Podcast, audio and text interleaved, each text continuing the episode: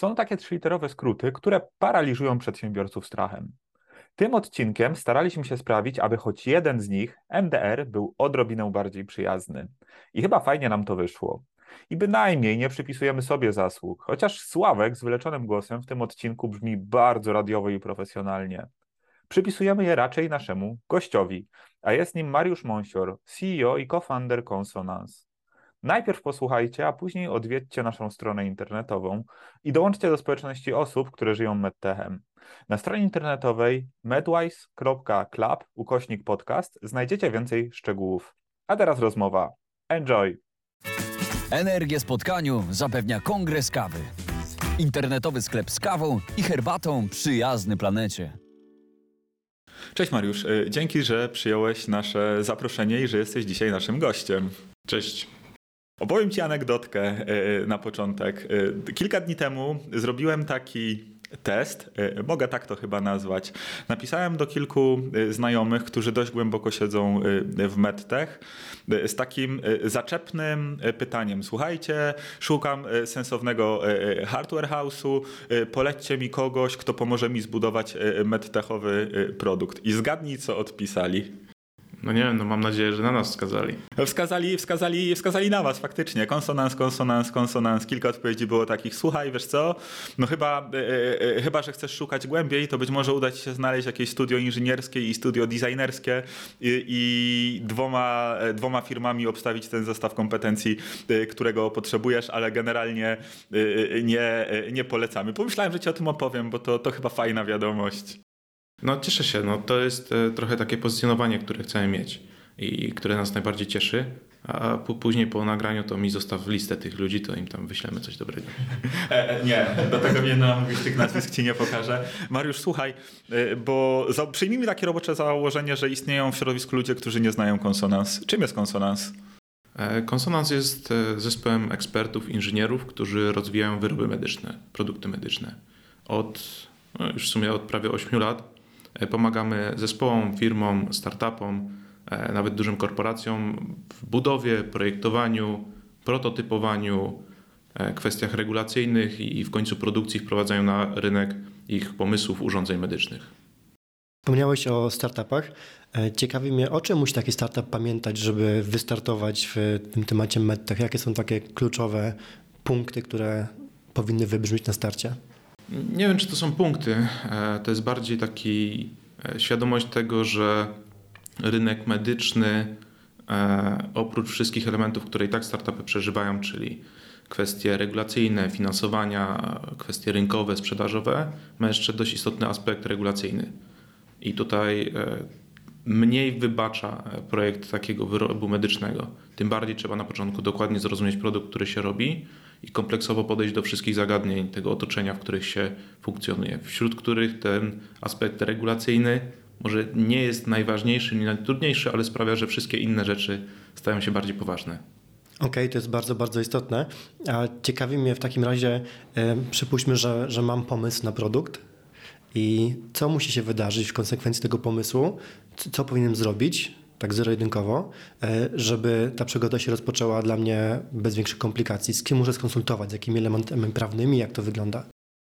No tutaj e, wydaje mi się, że to w każdym projekcie e, takie najważniejsze to jest myślenie o jego zakończeniu, czyli co chcemy osiągnąć, jakie są nasze rezultaty, do których my chcemy podejść, co chcemy mieć. No i od początku zdawać sobie z tego sprawę tak? Podzielić ten projekt na jakieś konkretne, racjonalne kawałki, etapy, które da się zjeść, tak? E, I realizować je po kolei. I tutaj na pewno pierwszym krokiem jest właśnie sensowne, racjonalne zrozumienie wszystkich aspektów tego projektu, tak? Czyli co my chcemy zrobić, e, założenie czy jakieś badanie kwestii regulacyjnych, jaka będzie klasyfikacja tego wyrobu medycznego, jakie normy e, nas obowiązują. Nie to, że na końcu, nie wiem, jak dopiero na końcu projektu zaczniemy się interesować certyfikacją, no to może nam się coś okazać. Chodzi mhm. o to, że ta certyfikacja też pomaga.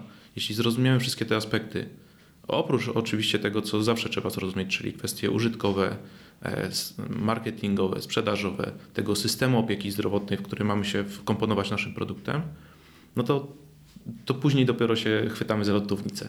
Ok, czyli generalnie w medtechach bardzo ważne jest to, aby na początku już wiedzieć, z czym będziemy się mierzyć w rozumieniu prawnym i technologicznym. Technologicznym we wszystkich aspektach. Tak? Tutaj nie powiedziałbym, że akurat w medtechu to jest najważniejsze. To jest najważniejsze w każdym startupie czy przedsięwzięciu produktowym, żeby dokładnie zrozumieć, do czego dążymy, jakie są okoliczności tego. W tych startupach, które działają w rynkach regulowanych, czyli tutaj od powiedzmy najłatwiejszego do najtrudniejszego, no to to jest medtech, później jest automotive, później jest jakiś aerospace, e, kwestie militarne. Tutaj e, jeśli tego nie zrobimy na początku, jest dużo, większe, dużo większa szansa porażki. Okay. Więc y, tym bardziej, tak? gdy robimy coś konsumenckiego, jakiś nie wiem, kolejny beacon czy, czy proste IoT, które da się zbudować z gotowych części, które koniec końców dość łatwo zgadnąć, jak działa i nie trzeba się za bardzo zastanawiać, no to taki projekt dużo więcej wybaczy.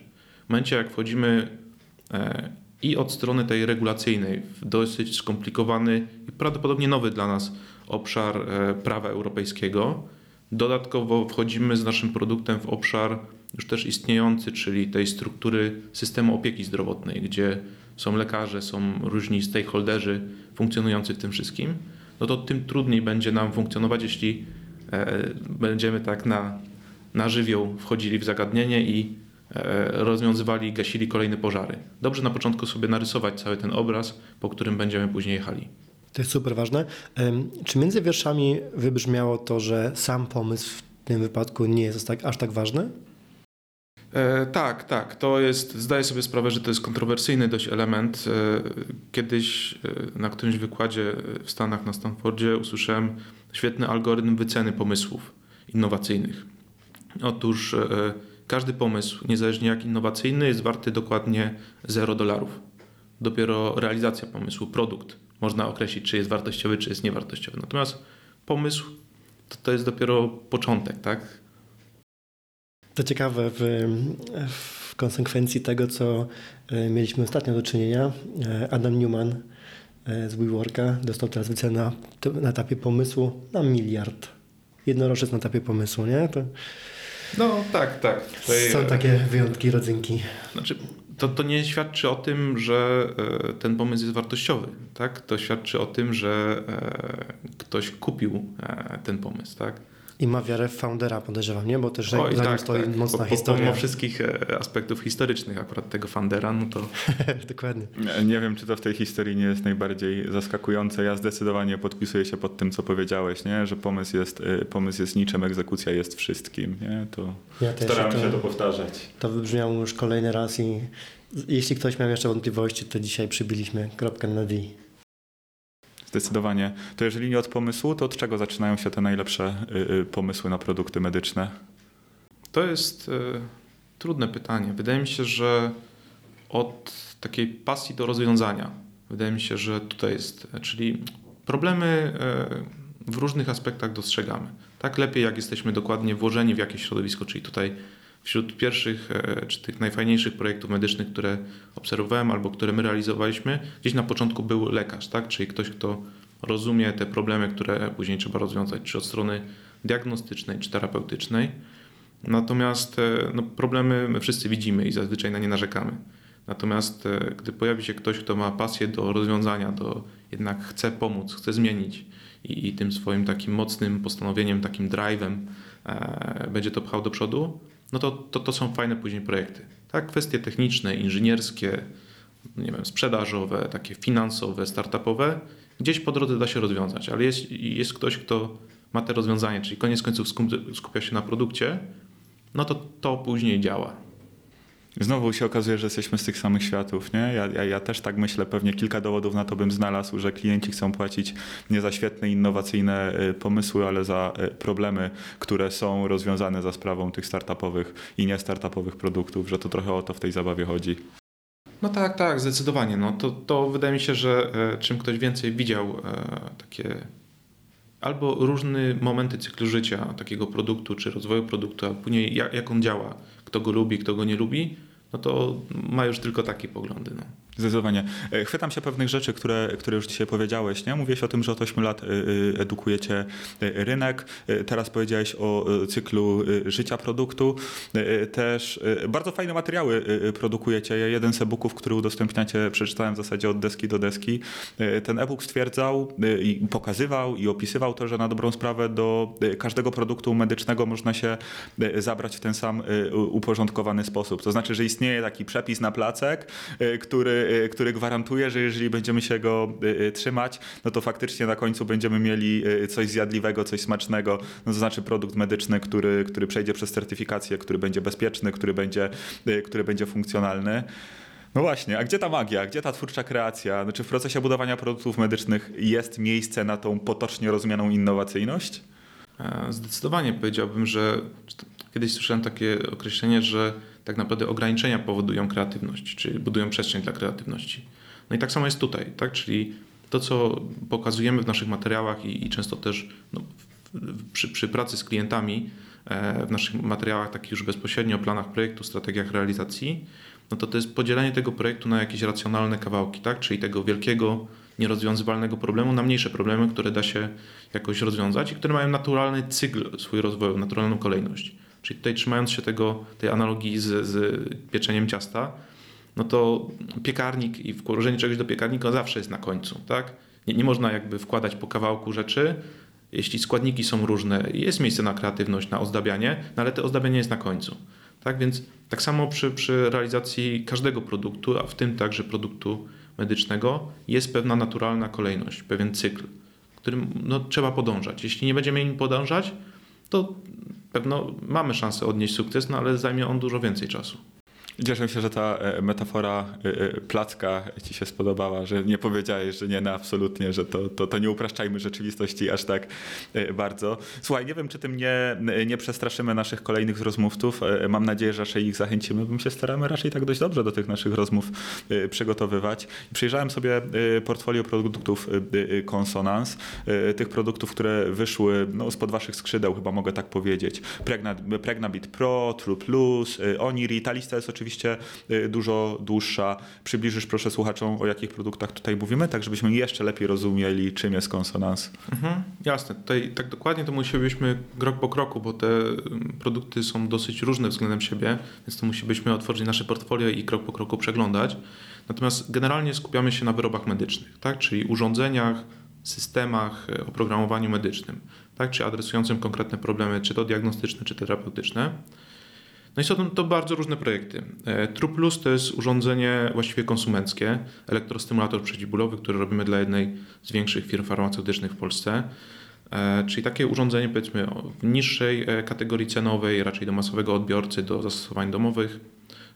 Pregnabit, czy teraz już kolejna wersja Pregnabit Pro, przy której pracowaliśmy, no to to jest takie mobilne KTG wkomponowane w usługę e, takiej platformy telemedycznej KTG, czyli e, e, takiej kontroli dobrostanu płodu pod koniec ciąży.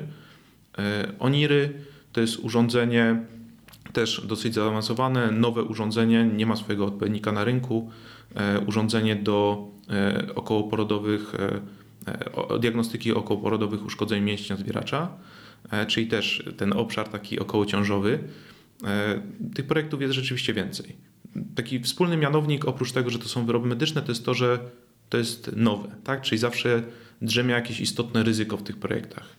No i koniec końców to są projekty, które lubimy najbardziej. Tak może mniej tam robienie kolejnych maseczek czy rękawiczek chirurgicznych, a właśnie coś właśnie opartego o wysokie technologie, coś czego nie ma, gdzie możemy rzeczywiście tą naszą, ten nasz sad ekspercki odpowiednio w tym projekcie użyć.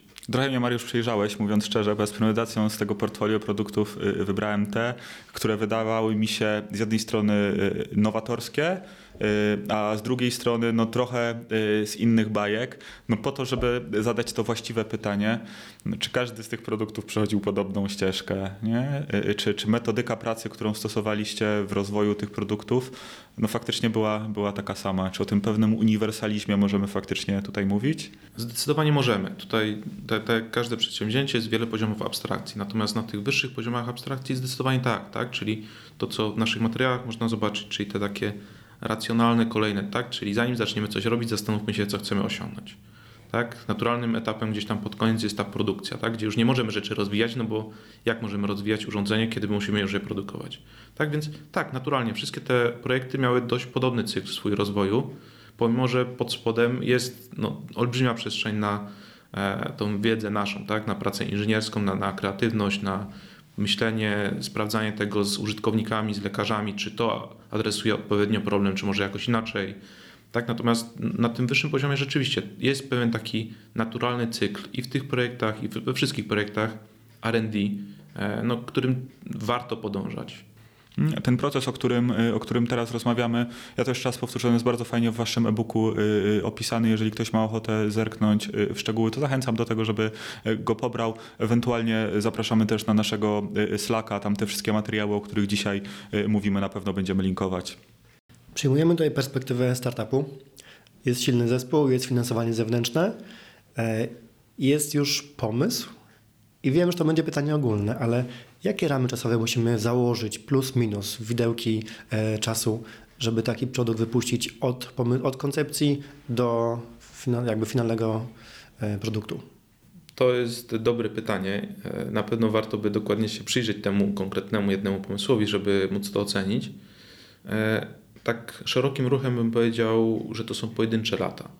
Tak? Czyli raczej ciężko zakładać coś poniżej roku, chociażby ze względu na sam cykl certyfikacyjny, który trzeba przejść. Nawet jeśli już mamy wszystko praktycznie gotowe, no to ten element e, kontaktu z jednostką notyfikowaną, jeśli to jest wyższa klasa urządzenia, e, cykl formalny audytów, później wystawienia certyfikatu, on jest w stanie zająć 6 miesięcy do 9 miesięcy. Tak? Więc to, to jest coś, co no, nas czeka, niezależnie od tej części inżynierskiej.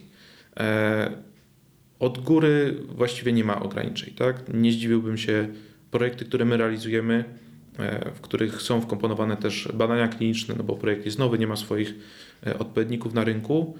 E, mamy projekt, który zajmuje teraz w okolicach 5 lat. Po 5 latach będzie na rynek, od kiedy de facto od, prawie od początku zaczęliśmy pracować przy nim.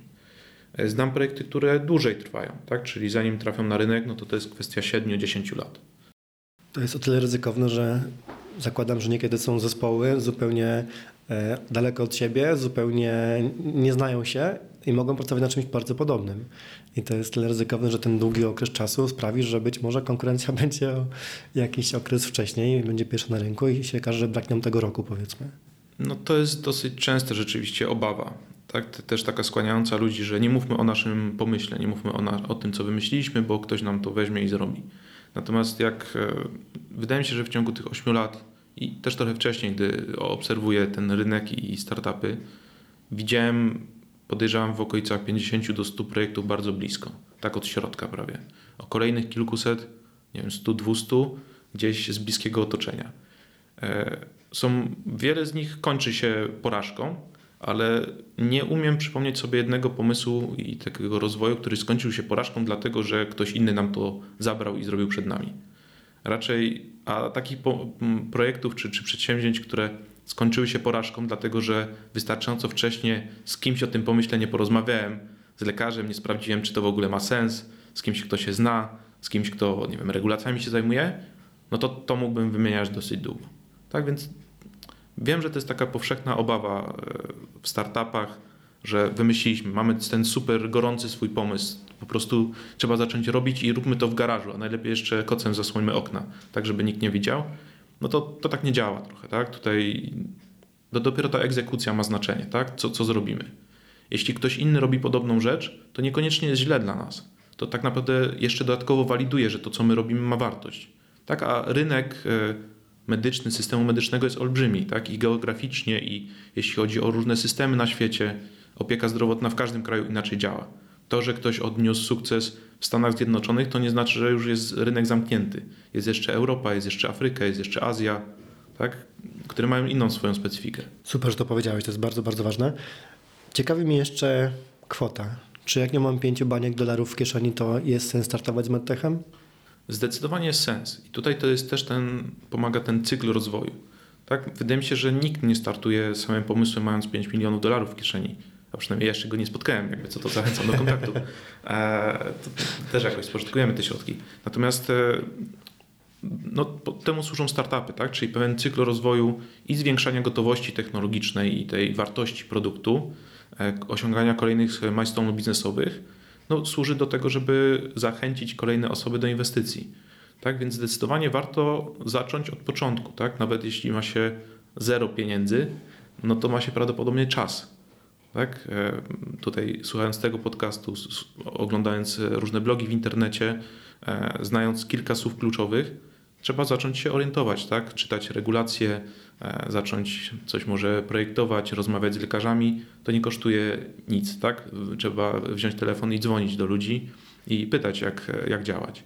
My mamy jakiś próg wejścia, tak? czy jak ktoś do nas przychodzi, no to jakiś już y, fundusz musi mieć nasze działania. Natomiast one też są skonstruowane w ten sposób, że zaczynamy od pierwszego etapu, my to nazywamy studium wykonalności technicznej, gdzie przez okolica dwóch miesięcy analizujemy to zagadnienie, staramy się kompleksowo podejść, opisać, zaplanować, pokazać, jak ta strategia ma wyglądać. Bardzo często klienci do nas przychodzą i zaczynamy od takiego punktu, i później jest rok przerwy. Tak, bo ktoś dostał dokumenty, ma tam kilkadziesiąt stron raportów, planów, estymacji właśnie już dokładnych kosztowych, czasowych. E, no i z tym tak naprawdę idzie na rynek e, interesować albo inwestorów, albo starać się o jakieś dofinansowanie. My naturalnie zajmujemy się czymś innym, no ale nie zapominamy o tym projekcie. E, jak uda się zebrać już te pieniądze na ten pierwszy etap, który kończy się jakimś sensownym kamieniem milowym, nie wiem, coś możemy pokazać, albo jesteśmy w stanie to testować w docelowym środowisku, albo jesteśmy gotowi do badań klinicznych, no to, to wtedy zaczynamy robić. Zaczynamy chyba teraz fajną część podcastu, co? Potwierdzam, potwierdzam. W ogóle zastanawiam się tutaj jeszcze nad trochę takim oszukaniem systemu. Zresztą może to nie ja, nie? Może są po prostu takie rzeczy, które słyszę od niektórych funderów, z którymi y, y, rozmawiam.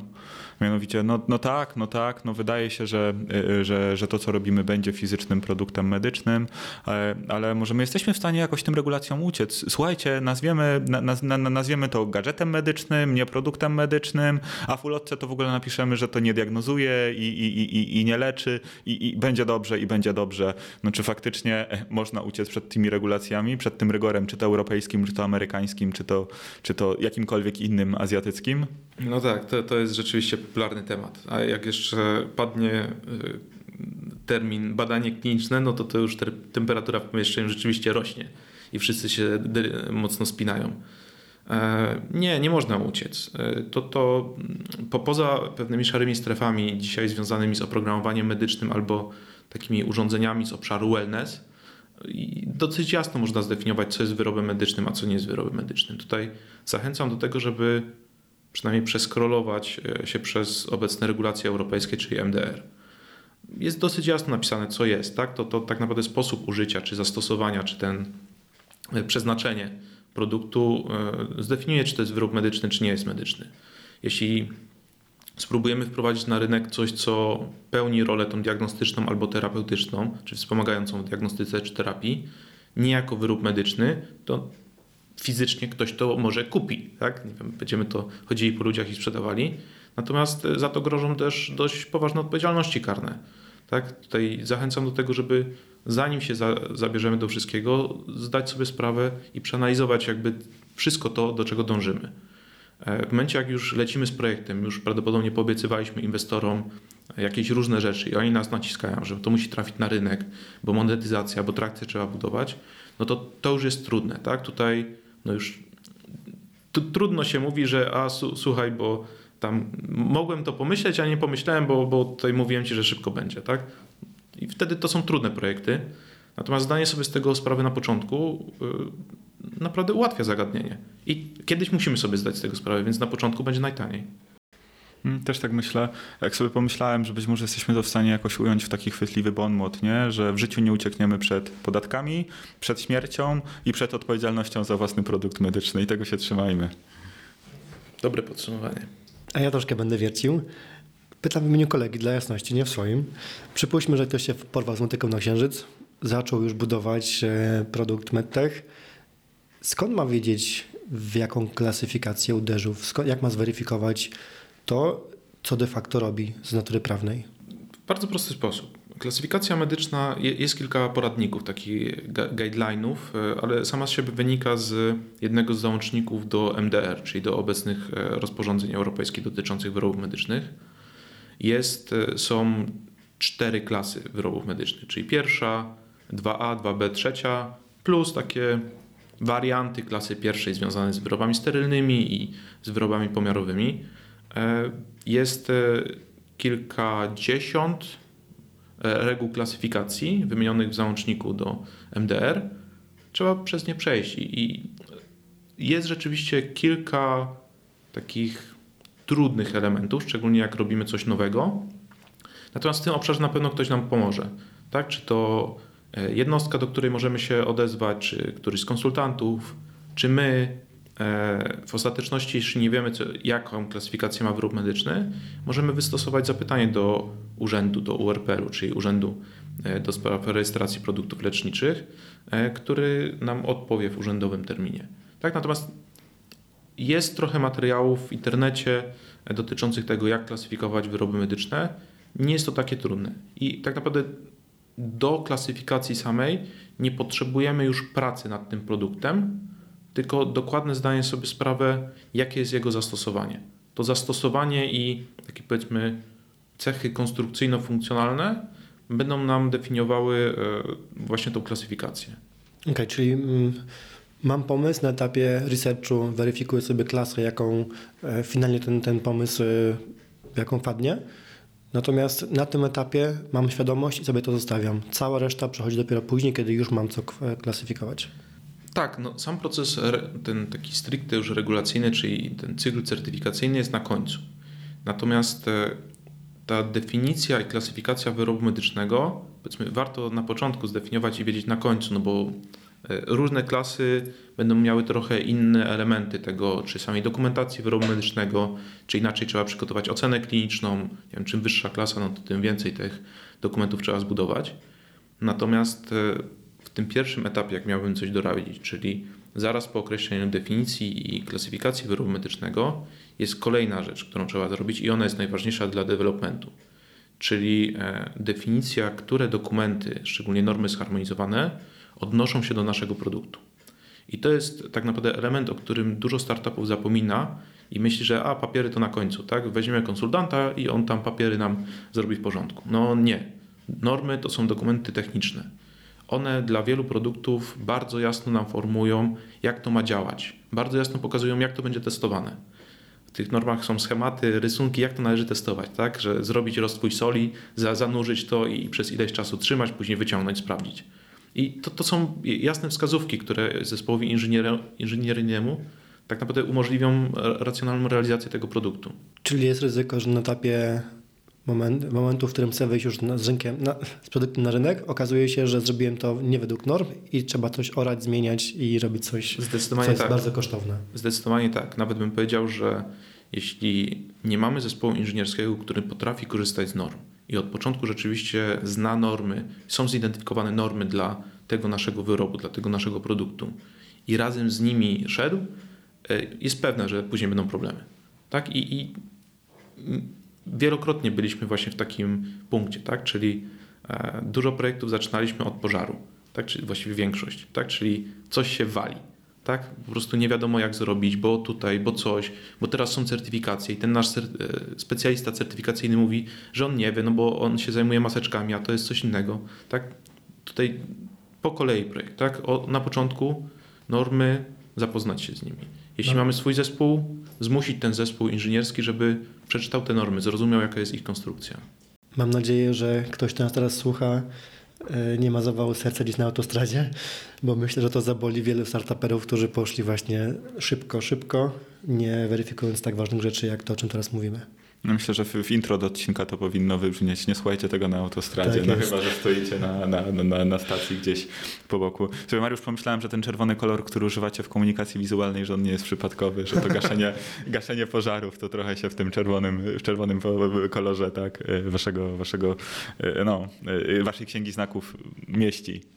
No, może tak być, rzeczywiście. Ja powiem ci, że wiesz co, że te rzeczy, o których y, y, ty mówisz, ja, ja widzę jeszcze krok wcześniej, nie? że zdarza mi się dość często, dość regularnie pracować ze startupami medycznymi na bardzo wczesnym stadium rozwoju, na tym, na tym stadium, nie wiem, identyfikacji problemu, identyfikacji persony, gdzieś ideacji docelowego rozwiązania i w momencie, w którym zadaję pytanie, no słuchajcie, a, a klasyfikacja ryzyka, czym wy będziecie, jedynką, dwójką? To widzę wielkie oczy, a w tych oczach przerażenie. Nie? To, to, to dobrze, że to wybrzmiało, to chciałem tak, powiedzieć. Tak. I tutaj też nie wiem, uspokajając e, wszystkich, którzy są na autostradzie, to nie jest takie straszne. Tak naprawdę e, racjonalnej, intensywnej pracy przez dwa tygodnie i staniemy się wystarczającymi specjalistami, żeby móc się w tym poruszać. Tak, jeśli jeszcze ktoś nam trochę pokaże, poda słowa kluczowe, wyjaśni, porozmawia, tak, powie, jak wygląda ten proces na końcu. Tak, czyli jak przyjeżdża audytor, no to co on robi, tak? co on sprawdza, jak to wygląda, jak wygląda nie wiem, te badanie eksperta certyfikacyjnego po stronie jednostki notyfikowanej, w jaki sposób my musimy zwalidować ten produkt, tak? co realnie się dzieje w laboratorium akredytowanym. Jeśli to będziemy wiedzieli, czyli jak kończymy projekt, to też dużo łatwiej go zaczniemy. Tak? I nawet jeśli jesteśmy w trakcie już, no bo też jestem inżynierem, mnie najbardziej cieszy robienie, tak? Typu prototypowanie, działa, nie działa, miga, nie miga. To, to dla mnie jest też jakby duża część życia i, i motywacji w tym, co robię. E, no i za, zabieramy się za to, tak? Nawet jeśli jesteśmy już w trakcie tych działań, to nic nie szkodzi, tak? To, co zrobiliśmy, ma wartość. Zweryfikowaliśmy, chociażby zweryfikowaliśmy, co, co działa, co nie działa, tak? Ale czym wcześniej się e, dowiemy i zdamy sobie sprawę, jakie są te dodatkowe uwarunkowania i te, o których ty mówisz też, tak? Czyli bardziej ta kwestia użytkowa, to też jest super ważna rzecz tak, żeby wiedzieć, kto będzie naszym odbiorcą, naszym użytkownikiem, przygotować te persony. Kolejna rzecz, zrozumieć, gdzie w tym systemie opieki zdrowotnej nasz produkt ma się wpasować. Jak, kto go będzie kupował, tak? Czy szpital, czy lekarz, jak my musimy go wprowadzić, komu musimy wytłumaczyć, jak go używać. No i też te kwestie regulacyjne, tak? Naturalnie lepiej, żebyśmy na początku usiedli, w sposób metodyczny do tego podeszli, spisali sobie zagadnienie, czy, czy zatrudnili kogoś, kto nam pomoże nas przeprowadzić przez to wszystko. Natomiast jeśli już jesteśmy w trakcie, no to nic straconego, tak? To wróćmy do tych rzeczy po kolei i już. Jest taka anegdotka ze Stanów, e, zdaje się z fabryki Forda, gdzie e, jest, tworzą samochody i na końcu zawsze jest element dopieszczający, czyli przychodzi pan z młotkiem i dopukuje drzwi, żeby, żeby weszły dobrze w karoserię. Po czym, kiedy Japonia wyprzedziła znacznie Stany w produkcji samochodów, okazuje się, że Toyota e, robiła większą robotę niż Ford. Mm, pojechał przedstawiciel amerykańskiej fabryki do, e, do tej Japonii. Tam rozmawiają, rozmawiają, tym patrzy, że tam nikt nie bije nic młotkiem żadne drzwi. I pyta się, no ale na jakim etapie wy uderzycie tym młotkiem w te drzwi? Na etapie planowania. I to jest trochę to, co wybrzmiało Bardzo tutaj. Nie? Do, dobra anegdota, będę sobie ją pożyczał. Ja, ja, też, dzięki Sławku. Teraz już nie będzie twoja, teraz będzie nasza. E, idźmy dalej. Mamy stadium wykonalności. E, co dalej? No dalej trzeba w końcu włączyć te lutownice, e, odpalić e, środowisko programistyczne i, i zaczynać działać. Tak, natomiast tutaj, tak, tak jak my przynajmniej podchodzimy do, e, staramy się naszym klientom na początku przygotować strategię realizacji projektu. Tak? Czyli podzielić ten projekt na racjonalne etapy, etapy na jakieś zadania, pokazując jak osiągać kolejne rezultaty, które nas popychają, czy to do efektów biznesowych, czy to produktowych, e, czy jakichś różnych e, innych, e, nie wiem, gotowości technicznej, umiejętności przetestowania tego urządzenia. Więc realizujemy, tak? czyli rozwój, rozwój, rozwój. Koniec końców to będzie jeden z droższych czy dłużej trwających elementów, więc warto go też zetapizować. Czy mieliście w swoim portfolio takie sytuacje, w którym na etapie już tworzenia uznaliście stop, nie idziemy dalej? Zdarzały się takie, gdzie czy my uznaliśmy, czy nasz klient, że rzeczywiście nie, tak? Albo gdzie nastąpił jakiś pivot. E, I to jest naturalny element jakby rzeczy, robienia rzeczy nowych tak? czyli potencjalna zmiana kierunku, zdanie sobie sprawy, że gdzieś indziej jest lepsze opportunity, które możemy teraz zgłębiać, albo że nie wiem, z dwóch ścieżek ta inna jest lepsza. E, natomiast staramy się to tak robić, żeby w miarę możliwości te elementy decyzyjne nie były, nie musiały być podejmowane w trakcie działań inżynierskich.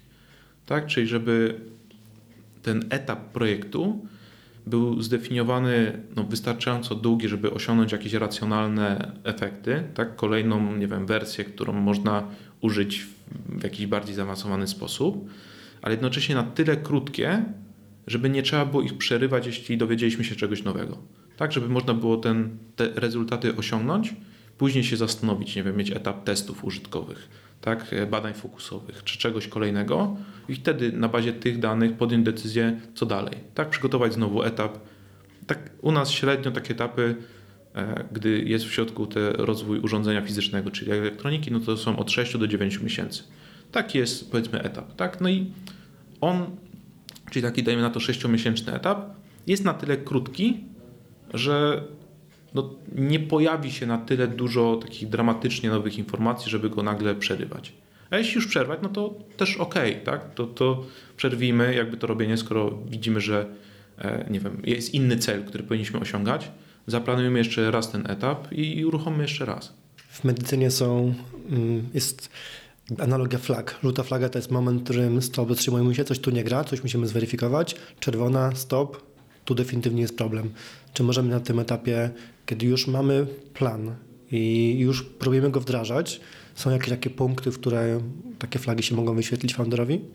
Mhm. Chodzi mi o to, że, że mamy już ten etap, który mówiliśmy wcześniej, czyli planowanie, zrobiliśmy je bardzo dokładnie, no ale też żyjemy w kraju, który, w którym przepisy nie są zbyt długo perspektywistyczne, potrafią wejść z dnia na dzień.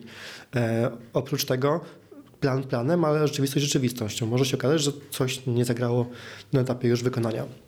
I o to chciałem dopytać. Ja też się nad tym zastanawiam, nie? Kiedy w, w głowie tego fundera powinna się zapalić taka lampka, taka kontrolka bezpieczeństwa, yy, yy, tak? I pojawić powinna się w głowie taka myśl, o kurczę, yy, tutaj powinienem się na chwilę zatrzymać, bo być może powinienem coś zmienić, a być może w ogóle nie powinienem tego kontynuować, nie? Czy, czy, czy można i generalizować w tym obszarze?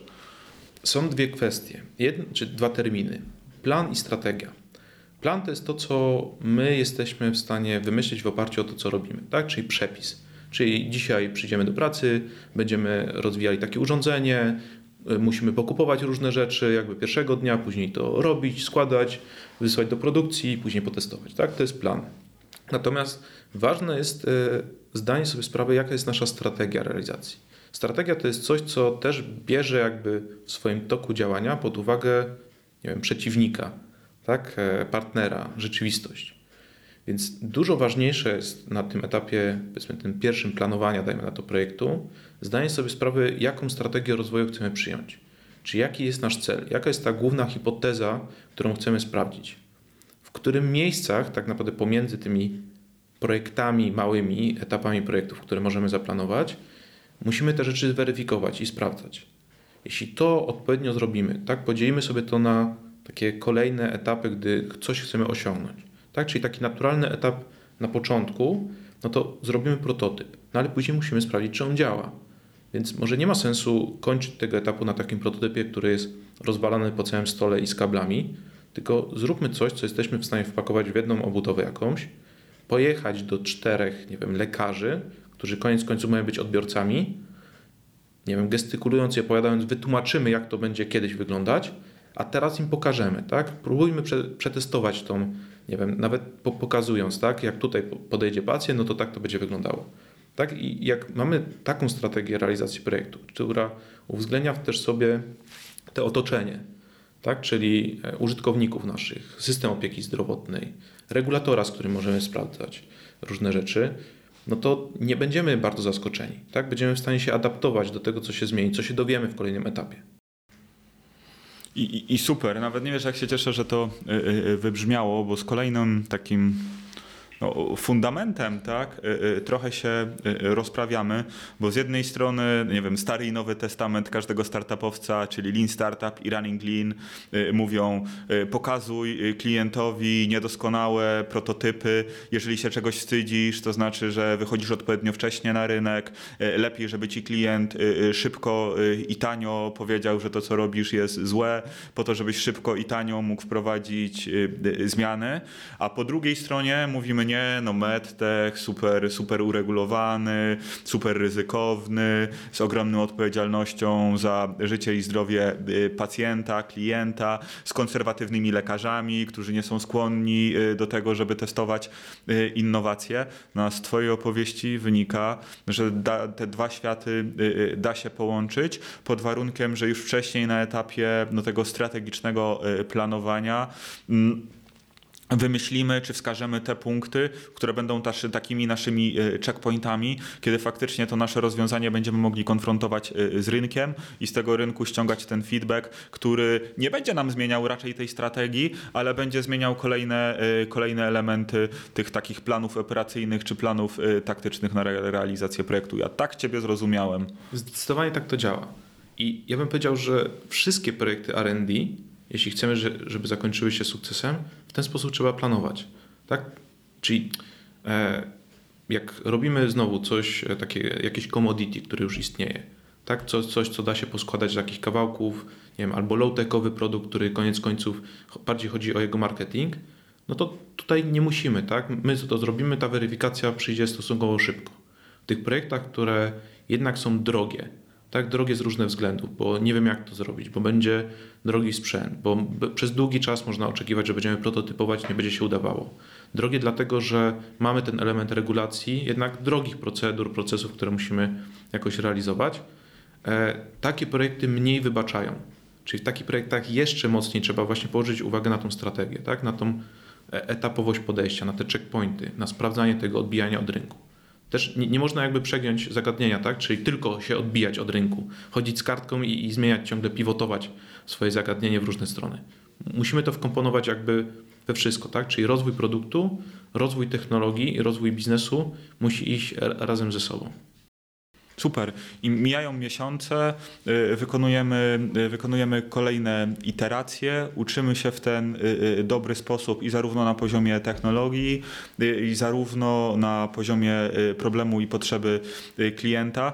Wyobrażam sobie, że w pewnym momencie dochodzimy do takiego, do takiego momentu, w którym mówimy: OK, jesteśmy gotowi, możemy zamrażać nasz, nasz produkt. Rozumiem, że to, to jest ten taki naturalny etap, w którym również powinniśmy powiedzieć, dobra, y, y, ostatni krok albo przedostatni krok przed nami, jesteśmy gotowi na certyfikację. E, tak, tak. No, tutaj też w szerszym kontekście, no, te urządzenie to niekoniecznie, te pierwsze urządzenie, które wprowadzimy na rynek, niekoniecznie będzie ostatnią wersją urządzenia, tak? Więc tak naprawdę też ten element rynkowy też znowu jest pewną weryfikacją biznesową, tak? Która też będzie miała swoje dalsze konsekwencje. Ale tak, w momencie, kiedy do, doszliśmy do gotowości technologicznej, czyli nasz produkt realizuje wszystkie te krytyczne e, funkcjonalne cechy. Jesteśmy w stanie, czy mamy już wstępnie zwalidowaną i jesteśmy w stanie udowodnić jego skuteczność i bezpieczeństwo, no to wtedy przechodzimy do tego wprowadzania na rynek, tak? czyli z jednej strony e, technicznie przygotowania do produkcji, czyli jeszcze optymalizacji pewno kosztowej, pozyskania podwykonawców, e, dostawców różnego typu, którzy mm, już teraz takiej e, garażowej ilości pięciu sztuk umożliwią nam zrobienie tych, nie wiem, 500 czy 5000 sztuk. No a z drugiej strony kwestia regulacyjna, czyli e, przygotowanie dokumentacji, czy tam właściwie weryfikacja dokumentacji, którą po drodze powinniśmy przygotowywać, i tej technicznej, czyli dotyczącej wyrobu medycznego, i tej procesu produkcyjnego, którą też będzie podlegała certyfikacji. No i rozpoczęcie procesu formalnego z jednostką notyfikowaną, jeśli to jest urządzenie klasy 2A lub wyższej. Mhm. Powiedziałeś, y, powiedziałeś o tym, że, że zaczynamy myśleć o tej produkcji, y, trochę o podwykonawcach, trochę o dostawcach. Ja się zastanawiam, jak z tą produkcją jest, y, czy, czy, czy faktycznie startupy y, powinny myśleć o produkcji y, in-house i od samego początku przygotowywać się do tego, żeby na określonym y, etapie miały te moce wytwórcze? Czy to jest ścieżka, której totalnie nie warto, warto rozważać i, i, i pozyskiwanie czy poszukiwanie podwykonawców?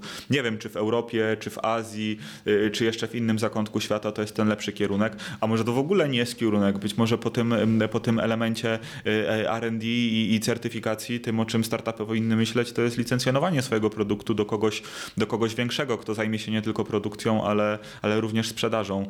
Jak o tym myśleć? Co tutaj jest najsprytniejszym podejściem? Myślimy cały czas o startupach, nie? O dobrych, silnych zespołach y, projektowych z najlepszą możliwą motywacją do tego, żeby produkt dowieść y, do rynku, no ale z drugiej strony też z takimi zespołami, które funkcjonują no, w takich realiach ograniczoności zasobów. No to jest trudne pytanie y, i, i są różne odpowiedzi zależnie od okoliczności. Na pewno tutaj warto zdać sobie sprawę, jakie są możliwości i podjąć decyzję ze względów biznesowych. Tak? A w przypadku startupu, no to też ze względu na ten cykl, powiedzmy, inwestycyjny życia startupu. Tak? Czyli co będzie tą naszą korową wartością. Jeśli nasz startup e, budujemy w oparciu o taką stricte technologię, tak? czyli mamy inny sposób, nie wiem, otrzymywania jakiegoś materiału, budowy czegoś i wokół niej e, budujemy nasz pomysł, no to wtedy naturalnie jakby ta produkcja u nas in-house ma wartość, tak? Wartość dla naszej firmy. Jeśli to jest e, bardziej kwestia, e, nie wiem, ta główna wartość biznesowa jest w kontakcie z rynkiem, tak? czyli branding, sprzedaż, jakby wdrożenie tego na rynek, no to naturalnie ta cała e, część produkcyjna, dystrybucyjna, logistyczna mniej jest naszą korową wartością, więc lepiej znaleźć kogoś, kto na tym konkretnie się zna. Tak? I tutaj my ćwiczyliśmy wszystkie podejścia tak, z naszymi klientami. Pomagaliśmy im zbudować zespół. Był przypadek, w którym my nawet pomagaliśmy rekrutować zespół, który będzie pomagać później im rozwijać dalej produkt, bardziej taki oprogramowania, tak? Wtedy to ma szczególnie sens, no bo rozwój jest trochę dłuższy. E, są przypadki, w których my pomagamy ustawić ten łańcuch dostaw i logistykę, tak żeby po stronie klienta był ktoś, kto później sobie będzie tym zarządzał. Mamy kilka produktów, w których my to jesteśmy producentem. Czyli okazało się że na przestrzeni lat pracy z danym klientem, że bardziej racjonalne jest to, żebyśmy my, znając się na całym zagadnieniu, u nas in-house to produkowali i mamy takie produkty. Jak będzie dalej, zobaczymy. Tak? Czyli nawet dla tych produktów. Czyli w tym momencie produkujemy pierwszą bądź drugą serię e, trzech wyrobów medycznych. Tak? Dosłownie dzi dzisiaj jest pakowanie jednego, e, pod koniec listopada będziemy rozpoczynali kolejną. E, może tak będzie nawet w kolejnych seriach. Może się okaże, że warto to robić tylko pierwszą, drugą serię, no bo my mamy powiedzmy ludzi, jesteśmy to w stanie trochę zamortyzować różne rzeczy, które u klienta trzeba by, nie wiem, zatrudniać ludzi, e, magazyn wynajmować i różne inne rzeczy, więc w tych elementach my jesteśmy w stanie naturalnie pomóc. Natomiast też nie będzie nam smutno, gdy klient stwierdzi, że u niego to będzie dalej robione. Będziemy się cieszyć, tak? No bo jednak ten produkt widać, że trafił na rynek, warto go dalej rozwijać. Więc tutaj zachęcałbym do tego, żeby przyjrzeć się bardzo dokładnie tym aspektom biznesowym, tak? co jest naszym korową wartością. Niektóre rzeczy rzeczywiście warto w startupie zrobić. I to dotyczy produkcji, ale też samego projektowania. Tak? Czyli bywa tak, że ten zespół inżynierski warto u nas zbudować, ale czasami może nie warto całego budować. Może wybrać ten jeden element, tak? czyli jak nasz produkt to jest urządzenie plus system, platforma i jakiś tam AI, no to może tylko ten element AI-owy warto u nas rozwijać, no bo to jest ta korowa wartość, która jest w naszej narracji, w naszym tym, nie wiem, motto i podpisie pod naszą firmą pitch deckach, no to ten element warto zbudować. Tak, a wszystkie elementy zapożyczyć sobie od kogoś, kto już je ma zbudowane. Tak sobie myślę, że wiesz, budując e, startup, nie wiem, marketingowy, handlowy, no właściwie coś popularnego, jest trochę łatwiej, bo no właściwie wiedza jest dostępna na rynku, gdzie byś nie spojrzał, tam jest ktoś, kto się na sprzedaży zna. Natomiast w przypadku medtechów potrzebujemy znaleźć często partnerów nie tylko po to, żeby e, wsparli bądź zanegowali nasz e, zamysł, nasz projekt, ale też, żeby często uzupełnić u nich wiedzę. I teraz ciekawi mnie, kto jeszcze może być takim partnerem? Szpitale, uniwersytety, jakieś instytuty? Gdzie szukać takiej, takiego wsparcia projektu? No, wydaje mi się te wskazane miejsca, tak? Czyli wśród takich głównych nie wiem, graczy czy stakeholderów tego otoczenia, e, to bym wskazał różnego typu konsultantów. Tak? Są powiedzmy software house'y, hardware house'y, tak? które bardziej my staramy się o sobie myśleć jako bardziej takim konsultancie, kogoś, kto weźmie i pomoże, tak, po przyjacielsku, profesjonalnie, no ale są też osoby, które wypożyczają inżynierów, tak, na, na zasadzie body leasingu czy, czy jakiegoś outsourcingu. E, są od strony użytkownika, tak, czyli rzeczywiście szpitale, kliniki e, uniwersyteckie, też normalne, niektóre z nich prowadzą też e, takie programy wsparcia dla startupów, tak, w których też można się, też w Polsce jest kilka takich bardzo fajnych miejsc, gdzie takie rzeczy następują. Są różnego typu firmy CRO, które zajmują się przygotowaniem i prowadzeniem nadzorem nad badaniami klinicznymi. No to oni też są graczem. Są jednostki notyfikowane, tak, z którymi kiedyś będziemy się musieli działać. Wiele z nich prowadzi kursy tak, i dotyczące stricte analizy ryzyka i różnych aspektów regulacyjnych. E, jest e, regulator, tak? czyli koniec końców Komisja Europejska, a u nas e, nie wiem, nasz rząd, który też publikuje różnego typu dokumenty, rozporządzenia. Tak więc tutaj tych osób, które mogą nam pomóc jest dość dużo. Warto na początku znowu dowiedzieć się, jak wygląda ten landscape, tak? gdzie kto czym się zajmuje, zdać sobie sprawę z tych słów kluczowych, no i później to już łatwiej idzie. I tutaj też nie powiedziałbym, że tak koniec końców jest obowiązkowe, żeby zatrudniać do wszystkiego ludzi. Jak ja bym dzisiaj odpalał swój startup taki produktowy, no to nie szukałbym konsultantów, tak? no bo mam jakby w głowie i wśród już zespołu, który mam, e, tą wiedzę. Natomiast ja bym szukał konsultantów chociażby w obszarze brandingu, designu, e, sprzedaży, budowy sieci sprzedaży, e, nie wiem, tej, tej kwestii finansowo-inwestycyjnej. Także nikt z nas nie jest specjalistą we wszystkim. No ale na szczęście cywilizacja wykształciła specjalistów w różnych rzeczach, e, z którymi możemy porozmawiać i popracować. A masz jakieś doświadczenia, czy mm, bo zakładam, że jako, jako młody founder będę miał jakiś opór, żeby napisać do takiego, wiem, takiej jednostki, takiej instytucji. Masz jakieś doświadczenia, że mm, wasi klienci, wasi współpracownicy pisali i, i to się kończyło sukcesem? Naturalnie, że tak. E, I raczej wszyscy są zaskoczeni koniec końców, E, taką życzliwością, tak? że ludzie jednak są życzliwi. E, jest, trzeba zbudować pewną masę, tak jak w sprzedaży, jest lejek sprzedażowy, tak? więc trzeba napisać do 100, żeby później 10 się odezwało, żeby z trzema móc negocjować, żeby z jednym podpisać umowę. Tak więc tutaj jest dokładnie ta sama zasada, tak? czyli pisać, pisać do wielu. I natomiast y, sami, jak w imieniu klientów, też się odzywamy do lekarzy różnych specjalności, jeśli to jest akurat rozwój produktu w dziedzinie, w której nie mieliśmy do czynienia, nie mamy swojego networku, no to też klienci są zaskoczeni. Jakim cudem my znaleźliśmy tutaj trzech lekarzy, którzy w sumie chcą z nimi pracować? No bo zaczęliśmy po prostu patrzeć, tak? Którzy lekarze mają e, publikacje w danej dziedzinie, czym się zajmują. Jest w Polsce kilka uczelni medycznych. Nie jest tak trudno znaleźć tych ludzi, e, ich maile tak, ze stron uczelnianych i po prostu do nich napisać. E, Dzień dobry, panie profesorze. E, na, na życzenie klienta zajmujemy się takim projektem, on chodzi o to, o to. Tutaj czy, czy moglibyśmy tam, nie wiem, na pół godzinki się dzwonić, porozmawiać, może będzie jakaś opcja współpracy. Zaskakujące jest to, jak dużo ludzi chętnie do tego podchodzi. Tak? No i ta osoba, nawet jeśli sama nie pomoże, jeśli tak grzecznie napiszemy, no to jest duża szansa, że nam napisze, nie, ja się tym nie zajmuję, ale znam takiego jednego człowieka, nie wiem, stąd, z Czech, z Niemiec, który akurat się tym zajmuje. Może z nim pogadajcie. I tak krok po kroku można zbudować całkiem niezły network wokół tego naszego projektu. Przyłapałem się teraz na własnym błędzie. E, kiedyś jak walidowaliśmy pewien e, projekt na bardzo wczesnym etapie, to ankietę, którą zebraliśmy, ona była po prostu na zasadzie znajomych lekarzy, do których mieliśmy dostęp, do tych uderzaliśmy. Przecież można było poszukać w sieci kogoś, kto ma taką zajawkę, właśnie tworzy publikację w tym konkretnym temacie i na pewno byłby bardziej skory do pomocy niż ktoś, kto jest w szpitalu jakby zajechany ilością pracy. To jest mega cenna wskazówka, choć fajnie to wybrzmiało. Zdecydowanie tak. Jak, powiem z doświadczenia kogoś, kto pracował na uczelni przez dość długi czas. E, ludzie pracujący na uczelni wbrew pozorom mają dużo wolnego czasu. Tak? I będąc na uczelni jednak robią rzeczy, które lubią. Tak? Oni muszą to lubić. No niektórzy nie lubią, ale większość jednak lubi. Tak? Więc warto się do nich odezwać. Oni, nawet dużo z nich jest wdzięcznych za to, że się od nas dowiedzieli o czymś, co się ciekawego dzieje.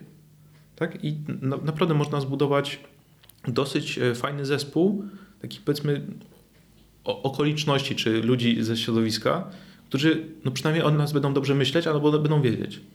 Tak? A co to daje? Później przecież ten produkt musimy wprowadzać na rynek.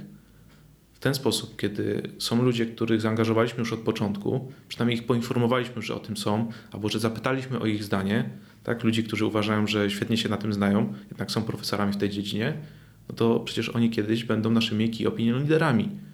Którzy z nich, jeśli się zainteresowali, no to przecież oni znają kolejnych lekarzy, którzy będą korzystali z naszego rozwiązania.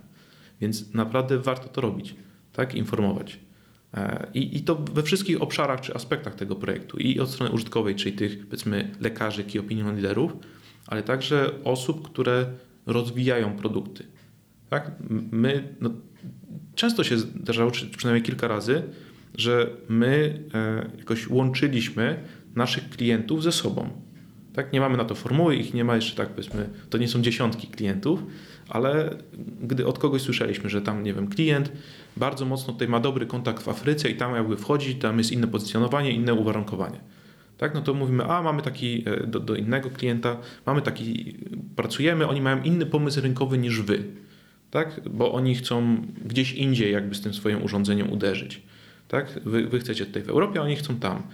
Może chcielibyście z nimi porozmawiać, no bo wymienicie się jakimiś rzeczami. Wy się lepiej znacie na badaniach klinicznych, oni jakby na tym aspekcie rynkowym właśnie w Afryce, że zdzwońcie się, pogadajcie, może coś z tego będzie.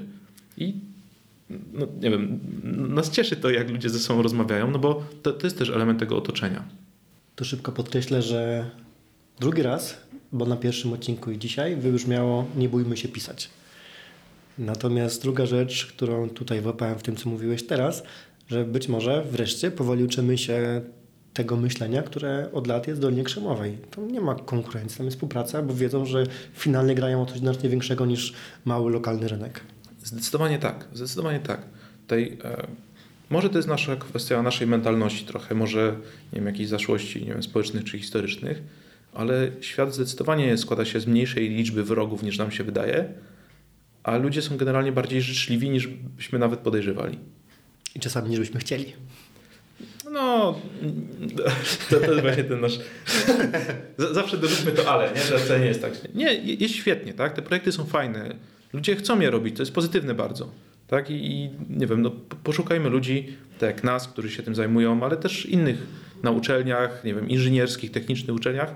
Też siedzą ludzie, którzy no, nie siedzieliby tam, gdyby nie mieli pasji do tego, co robią. Tak? Chociażby porozmawiać warto. Wymaga to tej pewnej odwagi wyjścia nie wiem, z siebie do ludzi i też takiej odwagi, że a, a co jak mi ktoś to zabierze. E, natomiast zdecydowanie warto. No tak, tak, to, to, to jest taka główna obawa, tak? że, że ktoś nam odmówi, natomiast zdecydowanie warto. Mhm.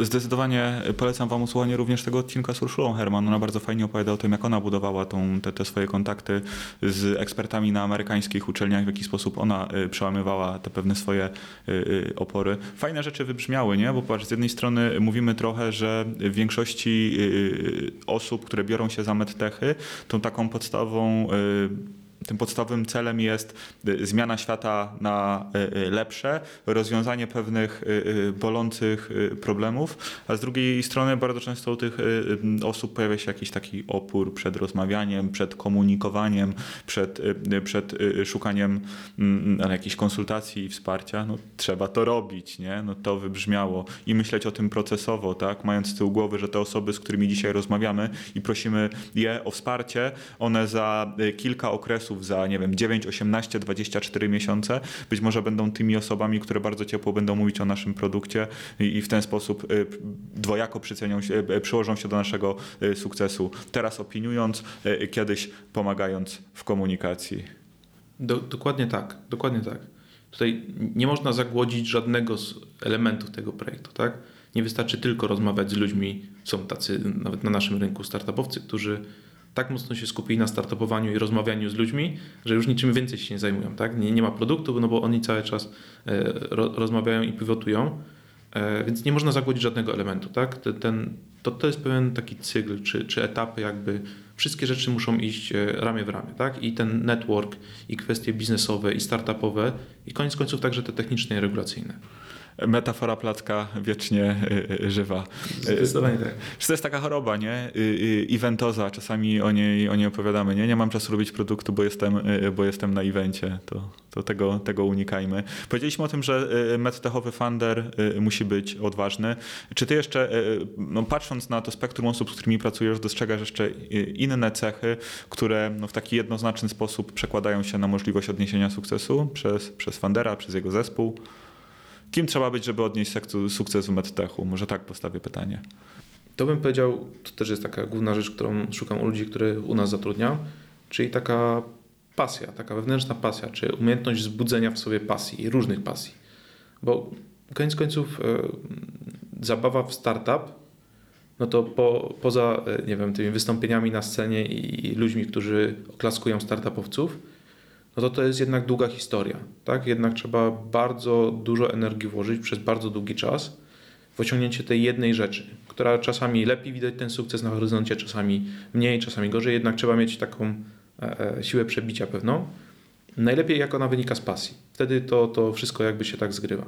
Więc tutaj i wydaje mi się ta pasja i, i dotyczy zespołu inżynierskiego, i regulacyjnego, i biznesowego, na koniec końców także funderów, tak? czy, czy może od, od funderów zaczynając.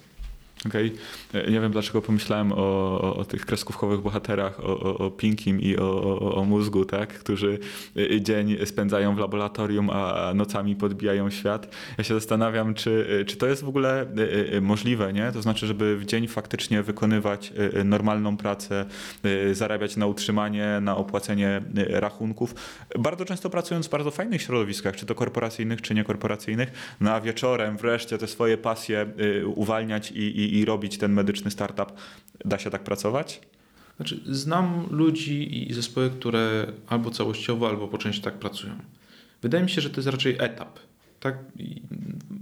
Jest zawsze na pewno taki moment, w którym trzeba sobie zdać sprawę, że to, co robimy, to ma wartość, tak? I skupmy się tylko na tym. Tak? Takie rozdzielanie się na kilka rzeczy e, koniec końców nie zadziała. Natomiast to jest pewien etap.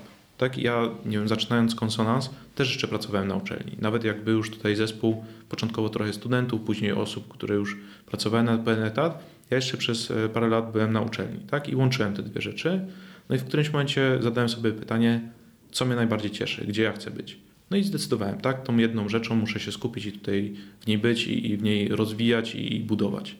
No i wszystkie osoby też będą miały coś takiego, tak. Czas, tr trudno się rozstać, tak, bo to właśnie to łączenie uczelni ze startupem, to wydaje mi się jest taki najczęstszy, najczęstszy element. Tak? I wśród tych funderów bardziej medycznych i tych, wśród tych funderów bardziej technicznych.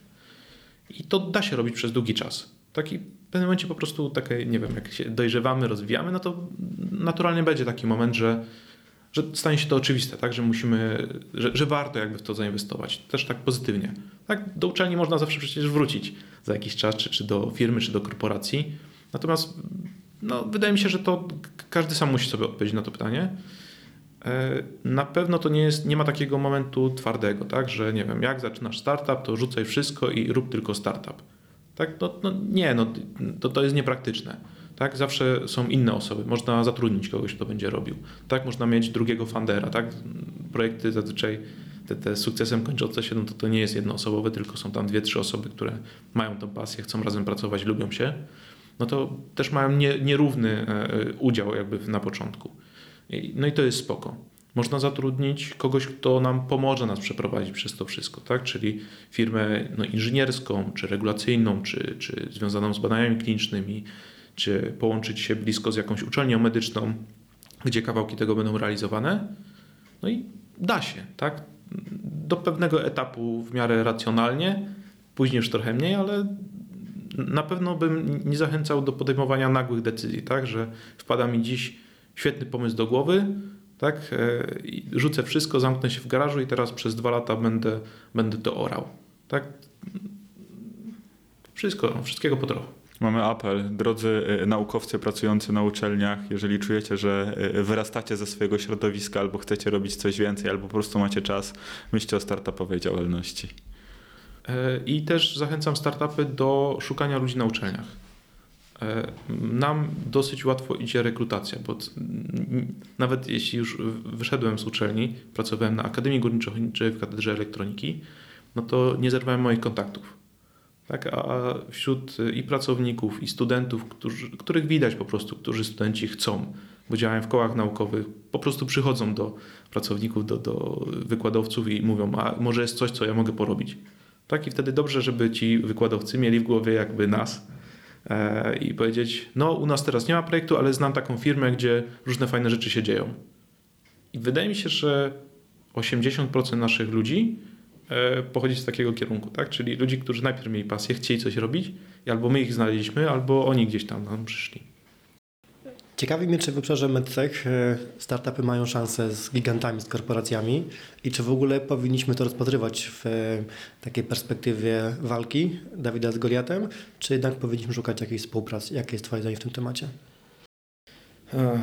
No ten, ten charakter walki w różnych obszarach rzeczywiście chodzi nam po głowie. To, to, nie ma bitwy, tak? To jest też element, duże korporacje czy te wielkie firmy medtechowe są elementem środowiska startup, do, nawet oni nie są na tym samym polu boju, tak, żeby walczyć z korporacją, no bo jak? E, to jest też element, który nam bardziej może pomóc. Mało osób zdaje sobie sprawę, jaki jest model funkcjonowania tych dużych firm medtechowych, czyli tam, nie wiem, GE, Siemensa czy Philipsa.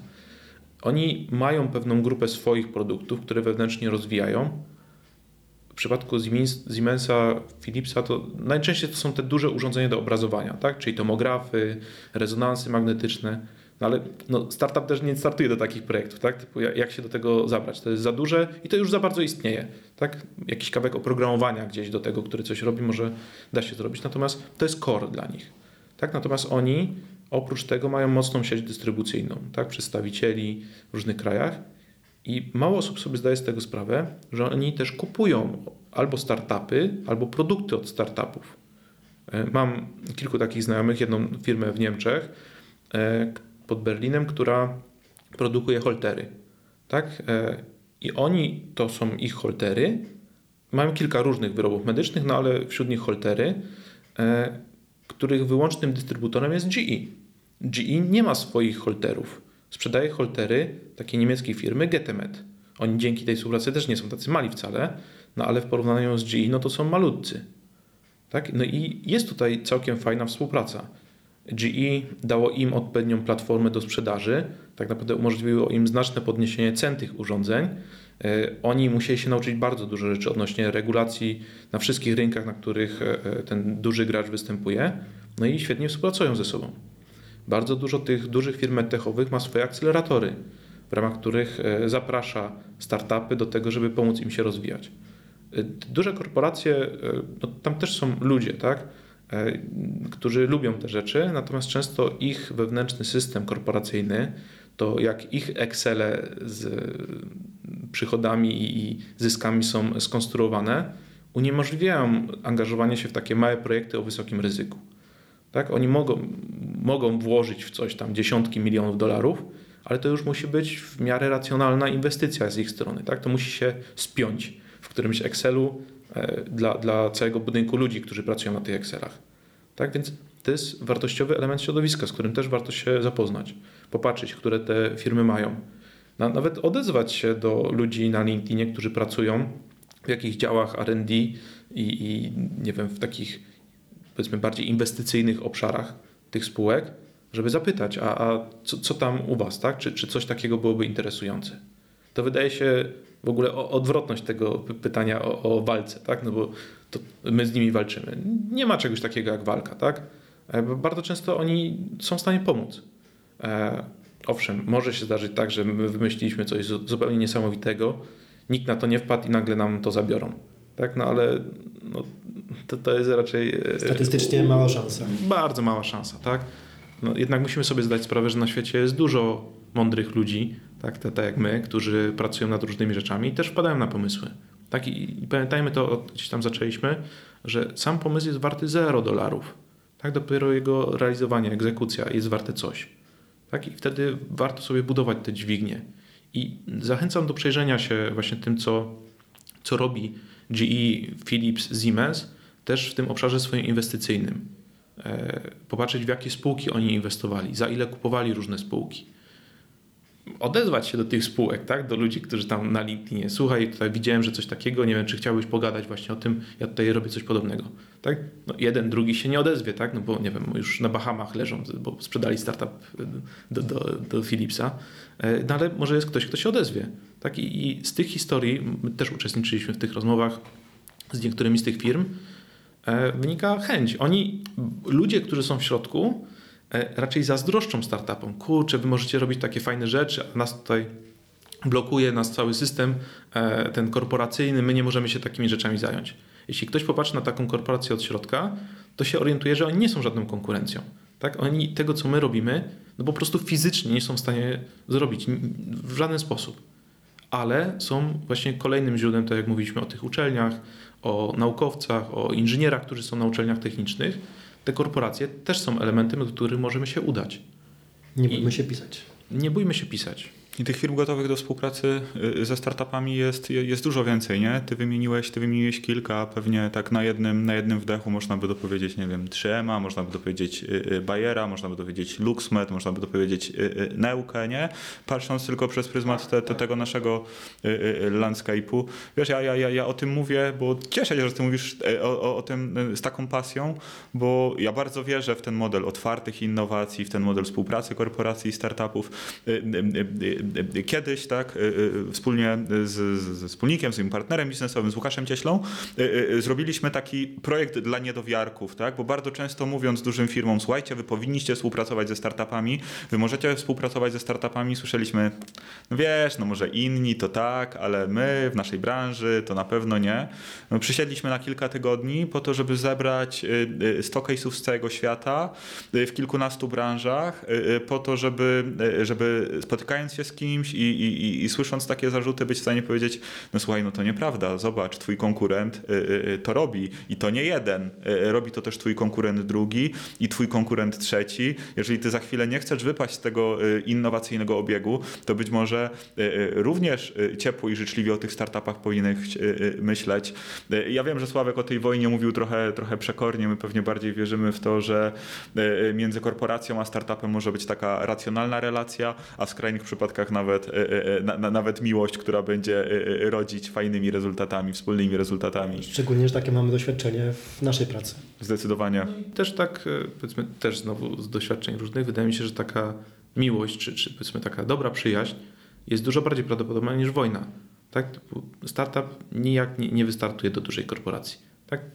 Jeśli rzeczywiście by ro, zaczęli robić dokładnie to samo i sobie wchodzić w drogę, no to startup przegra. Tak, ze względu na to, że no, biedny startup ma 10 osób w całości, a po drugiej stronie jest cały budynek prawników. Tak, natomiast takie rzeczy się nie zdarzają, no bo ci prawnicy to nie są tani ludzie. Tak, koniec końców tej korporacji opłaca się bardziej kupić ten startup, niż e, tutaj uruchamiać jakby całych prawników, którzy tam będą wysyłali olbrzymie faktury za każdą godzinę czy tam 15 minut roboty.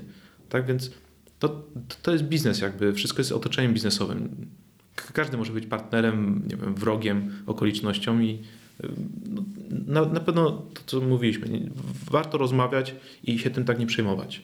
Tak? Porozmawiać z ludźmi, którzy są jakby w tym wszystkim.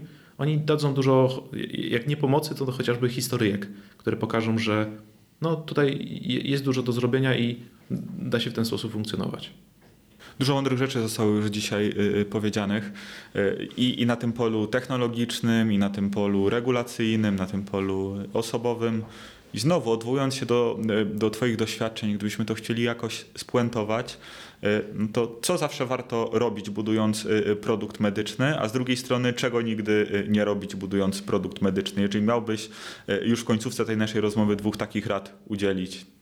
To takie krótkie rady, może najpierw czego nie robić. Nie zatrudniać konsultantów certyfikacyjnych. Stać się kimś, kto rozumie regulacje tak? To, to jest to, co należy zrobić. Natomiast zakładanie, że gdzieś tam po drodze, jak dojdziemy do tego punktu, że będzie nas stać, no to wtedy zajmiemy się papierami, to to się zazwyczaj źle kończy. To się kończy poważnym pożarem, w którym e, jego ugaszenie kosztuje dużo. Natomiast co robić? Mm, wydaje mi się, że tutaj pod kątem tego, co e, też rozmawialiśmy e, i może tak rozszerzając, mm, kim robić? To bym powiedział. Czyli zawsze są, wszystkie opcje są na stole. Tak? Pierwsza opcja, jeśli mamy więcej czasu niż pieniędzy, budujmy swój zespół. Tak? E, uczmy się wszystkiego, to zajmie więcej czasu.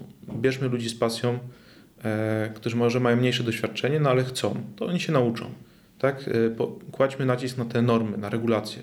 To wszystko róbmy. Jeśli natomiast mamy e, mniej czasu, a więcej możliwości inwestycyjnych, no to znajdźmy kogoś, kto dokładnie się na tym zna. Tak, kogoś, kto już to przeszedł, kogoś, kto to robi e, i on wtedy nam pomoże. Tak, albo sam będzie to robił, albo pomoże nam skonstruować ten zespół, który będzie w stanie nasz produkt do tego sukcesu doprowadzić. na podsumowanie mam takie, chciałem się podzielić taką myślą, że przez chwilkę czułem się bezrobotny. E, dlatego, że w tym podcaście przyszło tyle wiedzy, tyle punktów, że można było z tego stworzyć taką Biblię, taki poradnik, jak robić medtechę. I tak sobie pomyślałem, kurde, o czym będziemy gadać w kolejnych odcinkach. Ale jestem pewny, że to będzie bardzo fajna mm, podwalina pod to, żeby wchodzić jeszcze głębiej i żeby ten podcast był jeszcze bardziej merytoryczny. Właśnie dzięki Tobie. Dziękuję Ci ślicznie. Również dziękuję. Mariusz, pięknie dziękujemy za e, dzisiejszą rozmowę, było nam niezmiernie miło. Super. E, wpadnijcie jeszcze kiedyś. Zdecydowanie. Dzięki.